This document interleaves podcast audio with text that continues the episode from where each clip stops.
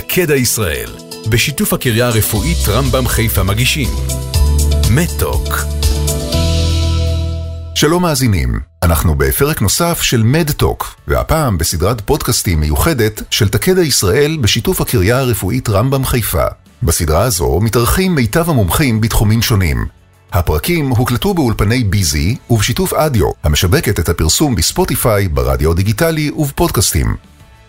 הפעם אנחנו מארחים באולפן את דוקטור מתי וטרמן לשיחה בנושא מחלות מעי דלקתיות ועד כמה ניתן לסמוך על דוקטור גוגל. האזנה נעימה.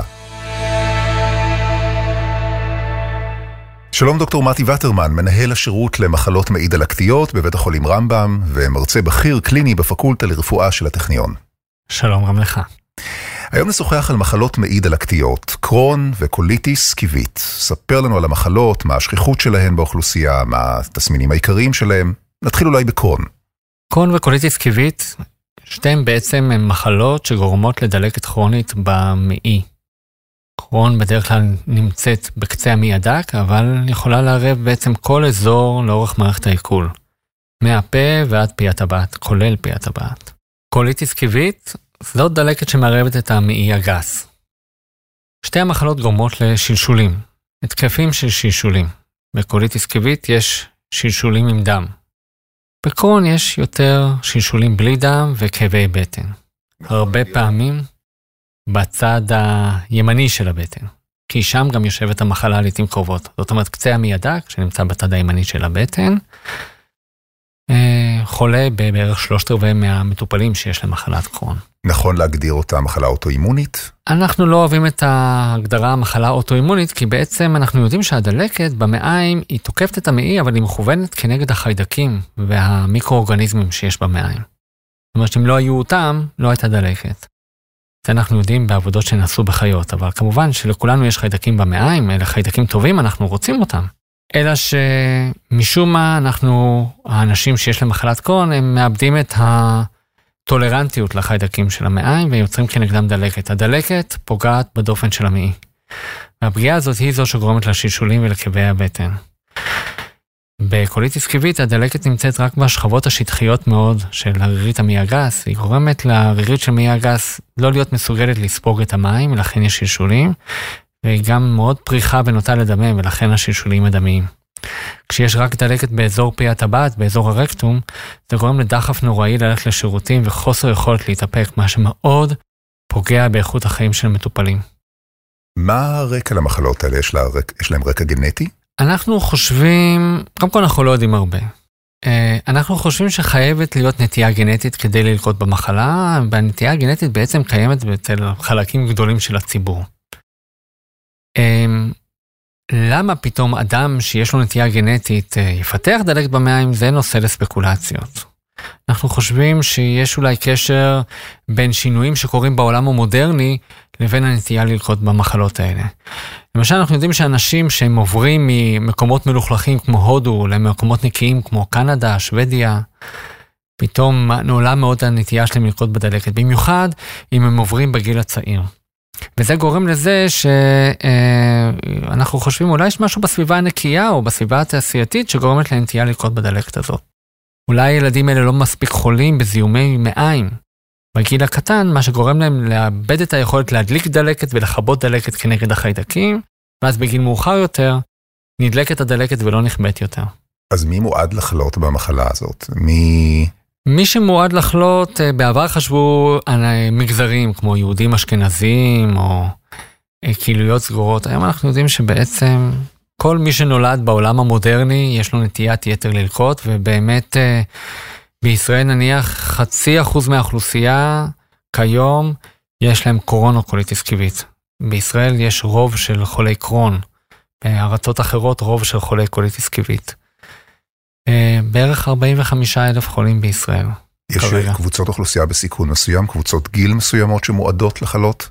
השכיחות העיקרית קורית בין הגילאים 15 או 30, אבל המחלה יכולה ללקוט בעצם מינקות ועד זקנה. לפעמים אנחנו רואים אפילו אוכלוסייה של אנשים בין הגילאים 60 ל-80, שפתאום הופעה ראשונה של קוליטיס קיבית או קרון. אז מה התסמינים שאמורים להדליק נורה אדומה, אה, מתי צריך לרוץ לרופא המשפחה? אז תראו, שלשולים וכאבי בטן יש לכולנו. אז מה ההבדל בין זה לבין אה, מחלת קרונוקוליטיס? יותר מזה, אנחנו יודעים שיש אנשים שיש להם אי סבילות ללקטוז. מוצרי חלב עושה להם שלשולים וכאבי בטן. אבל אין להם דלקת במעיים. חוץ מזה, אנחנו יכולים כולנו פעם לאכול באיזה מקום מפוקפק, או לרקוד באיזה וירוס, ואז מה יהיה לנו? שלשולים וכאבי בטן, וכן תהיה לנו דלקת במעיים. אלא שהדלקת הזאת תופיע, ואחרי כמה ימים תעבור. אז איך בעצם עושים את ההבדלה בין קוליטיס כיבית וקרון, שזאת מחלה שתלווה את האדם בצורה התקפית או לא בצורה התקפית לאורך שנים ארוכות? זהו, כמה זמן נמשכת מחלה כזאת? לכל החיים? כן, באופן עקרוני כן, אבל יש אנשים שפתאום המחלה שלהם פעילה בשנה או השנתיים הראשונות, אחרי זה הופכת להיות שקטה, עם או בלי טיפול. אז כל ההבדלים האלה זה באמת אה, קשה להבדיל לבן אדם הרגיל, אבל אני חושב שהדבר העיקרי שעוזר להבדיל זה שני הדברים. אחד, זה שישולים וכאבי בטן שגורמים לדלקת. אז הרבה פעמים בבדיקות הדם או בבדיקות הצואה יהיה אפשר לזהות אה, סמני דלקת מוגברים. הדבר השני, המהלך. זאת אומרת, זאת לא מחלה שמופיעה, ואחרי שבוע אני אוכל להגיד, זה מחלת קרונוקוליטיס. אלא מדובר במחלה שאני אתחיל לחשוד בה רק אחרי שבועות ארוכים של שלשולים וכאבי בטן, ואולי גם כמה התקפים לפני שנוכל לעשות הבחנה באופן ודאי. קשה לעשות את ההבחנה רק על סמך בדיקת דם אחת, או על סמך בדיקת צואה אחת, או על סמך ההסתמנות הקלינית. אלא זה מחייב איזושהי פרספקטיבה של לקחת תרביות צואה, לשלול שאין זיהום, לראות מה היה מהלך העניינים, לקחת בדיקות דם וצואה ולראות שהדלקת באמת מוגברת בגוף. איך באמת נעשה אבחון על ידי הגסטרואנטרולוג? ובסוף, בסוף האבחון נעשה באמצעות קולונוסקופיה אה, ו/או בדיקת הדמיה של הבטן, שבה מסתכלים על המעי הדק ובודקים אם יש שם דלקת, לפעמים באמצעות גלולה מצלמת של המעי, אה, ומכלול הממצאים בבדיקות עושה את ההבחנה. זה המקום לשאול אם יש דרך להיערך לבדיקת הרופא המומחה, מה כדאי לבקש מרופא המשפחה עוד לפני שמגיעים לרופא. אז באמת אה, זאת שאלה מצוינת, צריך להיות בטוחים שאין זיהום, זאת אומרת חייבים לעשות כמה פעמים תרביות צואה ולראות שאין חיידקים ולא פרזיטים ולא חיידק שקוראים לו קלוסטרידיום שלפעמים עושה דלקת משנית לאנטיביוטיקה, שאדם לקח בכלל לסיבה אחרת. צריך לבקש בדיקות דם שבו אנחנו מחפשים לראות בספירת הדם שאין אנמיה או שיש סמני דלקת מוגברים. צריך לבדוק סמני דלקת בבדיקות הדם. יש עוד מדד אחד של דלקת בצואה זאת בדיקה שנקראת קל פרוטקטין בצואה, סליחה על השם הארוך, שהיא עוזרת לנו בשביל אה, לראות באמת שזאת דלקת, ולא סתם נניח מעי רגיז או אי סבילות ללקטוז, שגם עושים התקפים של כאבי בטן ושלשולים. אז דיברנו על התסמינים והגדרנו את המחלה, אילו טיפולים קיימים היום, והאם בכלל אפשר להירפא? טיפולים מאוד מוכתבים על איפה נמצאת הדלקת ומה החומרה שלה. אם יש נניח אה, דלקת ממש קרוב לפי הטבעת, הרבה פעמים אפשר לטפל בטיפול מקומי. תרופה נוגדת דלקת בטיפול מקומי. אם המחלה מערבת קטעים ארוכים של המעיים, אז בדרך כלל התרופה תינתן או בכדורים, או אפילו בזריקות או אירועים, תלוי מה התרופה. כאשר הדלקת חמורה או קשה יותר, אנחנו נוטים לתת תרופות שמדכאות את המערכת החיסונית. כאשר הדלקת היא קלה יותר, אנחנו נוטים לפעמים לא לטפל, או לטפל בתרופות אה, קלות יותר, יש למשל משפחה של תרופות שנקראת משפחת האמינוסליצילטים, שהיא תרופה שניתנת לדלקת במעי הגס, למשל לקוליטיס קיבית או לקרון במעי הגס. היא תרופה שלא מדכאת את, הדלק, את המערכת החיסונית, אבל כן אה, מטפלת יפה בדלקת קלה או בינונית במעי הגס. איך המטופלים צפויים להגיב לטיפול? המטופלים אה, שמגיבים לטיפול, בעצם השלשולים ייעלמו, אה, כאבי הבטן ייעלמו, אם הייתה ירידה במשקל היא תיפסק. אם יש פגיעה דלקתית באיברים נוספים כמו בפרקים או בעור, אז היא תיעלם. אמ, ואם הדלקת היא קשה יותר, אנחנו הרבה פעמים נזקקים לתת טיפול בסטרואידים. סטרואידים זו תרופה שקיימת בעצם כבר 60 שנה, מאוד יעילה לטיפול בדלקת, אבל היא לא שומרת את האדם ברמיסיה. זאת אומרת, אנחנו לא רק רוצים לטפל בדלקת, חשוב לנו גם לשמור את האדם ברמיסיה. זאת אומרת שהדלקת לא תתפרץ שוב. אה, תחשוב על אה, נניח בחורה בת 18 או אה, בחור בן 21 לפני הצבא, לקראת הצבא או לקראת לימודים, שפתאום יש לו התקפים שהוא לא יכול לתת מהבית משלשונים וכאבי בטן. זאת פגיעה מאוד משמעותית באיכות החיים. באילו מקרים חייבים להגיע לניתוח? במקרים שהדלקת גורמת לנזק אנטומי למעיים, כמו למשל ליצירות במעיים, או הופעה של פיסטולות, בעצם במחלת קרון, איפה שהדלקת מערבת אה, שכבות יותר עמוקות של המעי, הדלקת יכולה לחפור מחילה דרך כל שכבות דופן המעי וליצור אבסס בבטן, או ליצור קשר לא נורמלי בין המעי לאיברים שכנים בבטן, או לאור של דופן הבטן. וזה מצב שבו כבר נגרם נזק משמעותי, והרבה פעמים מוביל את האדם לניתוח. מטרת הטיפול שלנו היום זה למנוע את ההופעה של הנזק הזה, לזהות את המחלה כמה שיותר מוקדם. ואנחנו חושבים שאם מטפלים בזמן ומצליחים לדכא את הדלקת, אז אולי אפשר למנוע את הנזק הזה. זה נעשה היום על ידי תרופות אה, מדורות מתקדמים יותר, תרופות שמדכאות את המערכת החיסונית לטווח הארוך. יש לנו תרופות ביולוגיות שניתנות בעירוי או בזריקה, והן כוללות אה, נוגדי TNF שהוא מתווך דלקת, או תרופות שמעכבות נדידת דלקת מזרם הדם אל המעיים. בשיעור ההצלחה של התרופות הביולוגיות? כמו שאתה מבין, אם יש הרבה פתרונות אז אף אחד מהם לא מושלם. אני הייתי אומר שהסיכויים של אדם להגיב לטיפול הם נעים בין משהו לחצי לשני שליש. ואחרי שהבן אדם מגיב לטיפול, לשמור על רמיסיה במשהו כמו מחצית המטופלים. אז אנחנו מנסים תרופה אחת, אם זה עובד, הבן אדם מקבל את זה לטווח הארוך, ואם זה לא, אז עוברים לקו הטיפולי הבא. אז יש לנו כמה וכמה קווי טיפול.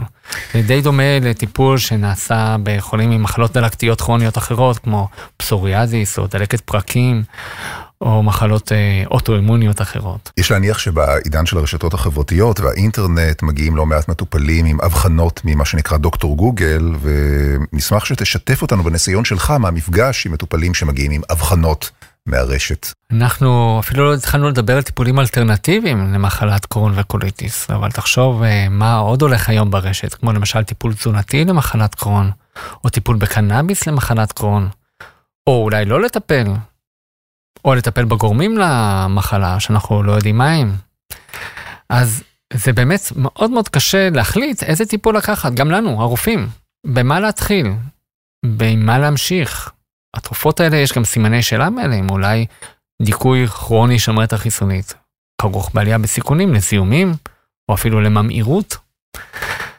אז uh, תדמיין בחורה בת 18 שצריכה להחליט עכשיו איזה טיפול היא תיקח לכל החיים, או לא לכל החיים, ואי הוודאות היא מאוד גדולה. מה גם שאנחנו לא יודעים מה גורם למחלה, אז קשה לנו לחזות את הפרוגנוזה. עד, עד כמה בכלל המידע הזה שמגיע מהרשת הוא, הוא מהימן? כמה הוא בכלל משרת את המטופלים? אז כאן באמת אה, השאלה הגדולה, איך מחפשים מידע ממקור מהימן? מה הוא בכלל מידע הוא קיים. אה, יש אה, הרבה מאוד פורומים של מטופלים שיספרו על החוויות שלהם כמטופלים, יספרו על הניתוח שהם עברו, יספרו על הטיפולים התזונתיים שהם נאלצו לקבל, יספרו על התפיסות שלהם לגבי מה גרם להחמרות אצלם, ואיך לשלוט על החיים בצורה כזאת שיהיה אפשר לארגן אותם סביב ההחמרות האלה. והרבה פעמים יש שם מידע שהוא בעל ערך, אבל הרבה פעמים גם מידע מאוד מוטה, מוטה מהחוויה של המטופל שרשם אותו, או מידע שמבוסס על כל מיני ספקולציות וקונספציות שבעצם הוא חסר ערך. אל אילו נושאים אה, אה, חשובים אה, אפשר לצרוך מהרשת לעומת אחרים שהם פחות מהימנים? אני חושב שהמקורות העיקריים המהימנים למידע נמצאים אחד באתרים של מרפאות למחלות מעי דלקתיות, באתרים של האגודות האירופיות והאמריקאיות לקרון ולקוליטיס, שם יש מידע שהוא אובייקטיבי, הוא מוסמך מדעית והוא אה, גם עובר כל הזמן אה, בדיקה של איכות. אה, עוד אתרים טובים זה האתר של איגודי החולים, למשל האגודה הישראלית לקרון ולקוליטיס, יש לה אתר יפה. למשל האתר של האיגוד האירופי של חולי הקרון והקוליטיס, שהאגודה הישראלית חברה בו. יש שם גם מידע בעל ערך, אה, כולל מידע בעברית. אה, אתרים שהם פחות מהימנים זה אתרים של אה, פורומים של חולים, אבל גם שם לפעמים יש אתר על הדיאטנית שיודעת לתת עצות מוסמכות, אתר על איפה אפשר למצוא תמיכה נפשית. גם סוציאליות. אנחנו מספקים תמיכה, תמיכה נפשית לחולים שלנו, אה, לזכויות סוציאליות, זה גם קיים באתר של איגודי החולים, אה, ואלה אתרים שאפשר לסמוך עליהם. אני חושב שזה מאוד חשוב אה, במפגש עם הרופא, כדי שהוא יהיה מפגש אפקטיבי, לדבר על מה החולה או המטופל קרא באינטרנט, איך, איך באמת אפשר להפוך את, ה, את המטופל לשותף מלא בהחלטות הטיפוליות? איזה, איזה המלצה אתה יכול לתת למטופלים שרוצים להיות מעורבים בהחלטות ובתהליך הריפוי? אני חושב שהצורה להפוך את המפגש הר... אה, הרפואי בין המטופל למטפל שלו למפגש אידיאלי זה מפגש של דיאלוג, לא של מונולוג, לא של הרופא ולא של המטופל. ההקשבה הדדית היא נורא חשובה, קודם כל כדי לדעת uh, מה חשוב למטופל. למשל היום uh, טיפלתי במטופלת שבשום פנים ואופן uh, לא רוצה לחזור לטיפול נוגד דלקת שניתן לה ועזר לה, וההסכם בינינו היה שהיא תנסה טיפול תזונתי שהיום לאט לאט נבחן ויש עדויות שאולי הוא מצליח כטיפול מד... מדכא דלקת במחלת קרון. אבל יש לנו הסכם שאם הטיפול הוא לא יצליח, אז אנחנו נחזור לתרופה שעזרה לה. זאת אומרת, יש בינינו בעצם סוג של דו-שיח, הדו-שיח הזה אה, בעצם מבהיר לשני הצדדים מה הדברים החשובים כדי לטפל בצורה מיטבית, מה הדברים שחשובים למטופל ולמטפל. זאת אומרת, יש ואחרי... מטופלים שמכתיבים אה, בקשה לטיפול מסוג מסוים. הם לא מכתיבים, הם מעלים את מה שחשוב להם, ואנחנו עושים באמת דיאלוג, ואנחנו מדברים על מה היתרונות וחסרונות של כל טיפול. מטבע הדברים, תחשוב ששיחה כזאת יכולה לקחת הרבה זמן. אבל גם הרופאים צריכים לדעת שהשמש לא זורחת להם מהתחת, סליחה על הביטוי, שלא הכל ידוע, שלא בהכרח מה שאנחנו חושבים היום שנכון יהיה נכון גם בעתיד, ושהחוכמה היא מה מתאים למטופל ומה עוזר למטופל הספציפי. ואנחנו כל הזמן בוחנים את עצמנו. לא רק על סמך ההרגשה, אלא גם על סמך המדדים האובייקטיביים של הדלקת. המטרה היא לדכא את הדלקת. דיברנו על המידע ברשת, והשאלה היא האם המידע הרשתי הוא, הוא, אפשר להגדיר אותו כסוג של איום במפגש עם הרופא? האם יש מטופלים שבאים עם רשימה של דרישות והבחנות ובקשות טיפוליות אה, באופן שבו מקשה עליך כרופא לטפל בהם? כן, יש דוגמאות גם למקרים כאלה. אמ, אני נזכר במטופל שהיה מטופל אה, במרפאה לגסטרונטרולוגיה ילדים במחלת קרון, ואז עבר כשהגיע לגיל 18 לצד שלנו, של המבוגרים, והוא הגיע עם אמו, ואמו מאוד רצתה שאנחנו אה, נרשום אה, טיפול בקנאביס רפואי לילד שלה. היא קראה באינטרנט שטיפול בקנאביס יכול לדכא את הדלקת. אה, היא הייתה מאוד לחוצה שאנחנו נסכים לרשום את הטיפול הזה לילד שלה, בן ה-18. עכשיו אה, היינו אה, צריכים לקיים דיון. האם קנאביס זה באמת הטיפול הנכון? אנחנו יודעים שטיפול בקנאביס זה טיפול סימפטומטי מאוד טוב, אנשים שיש להם כאבי בטן בלתי נסבלים, או אנשים שסובלים מצד תזונה וירידה בתיאבון מאוד קשה, יכולים ליהנות מטיפול בקנאביס. אבל יש לזה גם מחירים. צריכה של קנאביס, במיוחד בכמויות גדולות, יכולה לגרום לפגיעה קוגניטיבית. או אם נאמר את זה בלשון פחות נקייה, להיות בסאטלה כרונית. זה פוגע בזיכרון, זה פוגע ביכולת של בן אדם ללמוד, זה פוגע ביכולת של בן אדם לצאת לעבוד. אמ, ואולי זה לא הנתיב הכי נכון לבחור שמתחיל את החיים בגיל 18. אז איך התמודדתם? אה, קודם כל צריך להסביר. אה, שהמידע באינטרנט בדבר הפעילות האנטי-דלקתית של קנאביס, זה מידע לא מוכח. ויש אנשים שחושבים שקנאביס יטפל להם בדלקת, אבל ככל שאנחנו יודעים עד היום זה לא המצב. ושלא תמיד חייבים אה, טיפול נגד כאבים, או טיפול לעלות במשקל, ואולי הגישה הנכונה היא קודם כל לטפל בדלקת, ואולי אם לא תהיה דלקת, ישתפר התיאבון והמשקל יעלה. הדרישות האלה מגיעות בדרך כלל ממה? משיחות עם מטופלים אחרים, מחברים, מהרשת? מניין מגיעות כל הבקשות וההבחנות האלה? הדרישות האלה באות לעיתים קרובות. קודם כל אתרי אינטרנט שמעודדים שימוש בקנאביס, שמאמינים באמת ובתמים שזה התרופה הטבעית הנכונה להרבה מאוד מצבים, כולל למחלת קרון. וגם בפורומים של חולים, כולל סיפורים, הנה אני לקחתי קנאביס, חיי השתנו לטובה, מאז התחלתי לעבוד, התחלתי ללמוד, אני כבר לא סובל מכאבים, אני ישן טוב וכולי.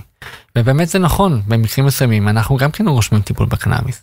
החוכמה היא לדעת מהם הציפיות ולהתאים אותם, ולזכור גם לדבר על התופעות הלוואי של, של הקנאביס. זה לא תרופה תמימה כמו שחושבים, יש לזה גם תופעות לוואי, כמו לכל טיפול תרופתי אחר.